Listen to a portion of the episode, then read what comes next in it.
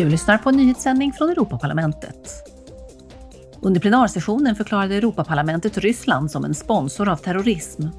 Ledamöterna underströk att ryska styrkors avsiktliga attacker och grymheter mot Ukrainas civilbefolkning, förstörelsen av civil infrastruktur och andra allvarliga kränkningar av de mänskliga rättigheterna och internationell humanitär rätt inte är något annat än terrordåd och krigsförbrytelser.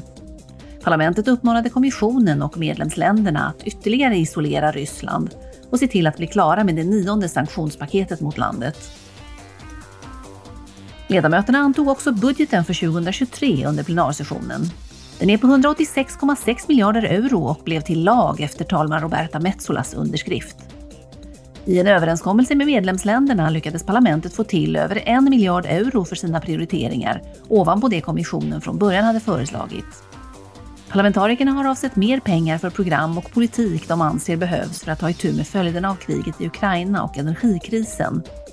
Pengarna ska även bidra till återhämtningen efter pandemin och den gröna och digitala omställningen. Europaparlamentets talman Roberta Metsola och Dario Nardella, borgmästare i Florens och ordförande för Eurocities, ett nätverk med fler än 200 europeiska storstäder, har lanserat initiativet Generators of Hope, Hoppets generatorer. Målet med kampanjen är att få europeiska städer att donera kraftgeneratorer och transformatorer till Ukraina för att hjälpa befolkningen att ta sig igenom vintern. Till följd av Rysslands krig mot Ukraina och de fortsatta attackerna mot kritisk civil infrastruktur har över hälften av Ukrainas elnät skadats eller förstörts, vilket lämnar miljontals ukrainare utan el. Under presskonferensen om kampanjen sa talman Roberta Metsola så här. This parliament and the European Union have shown remarkable... Europaparlamentet och EU har visat anmärkningsvärd solidaritet med Ukraina på den humanitära, militära och finansiella fronten.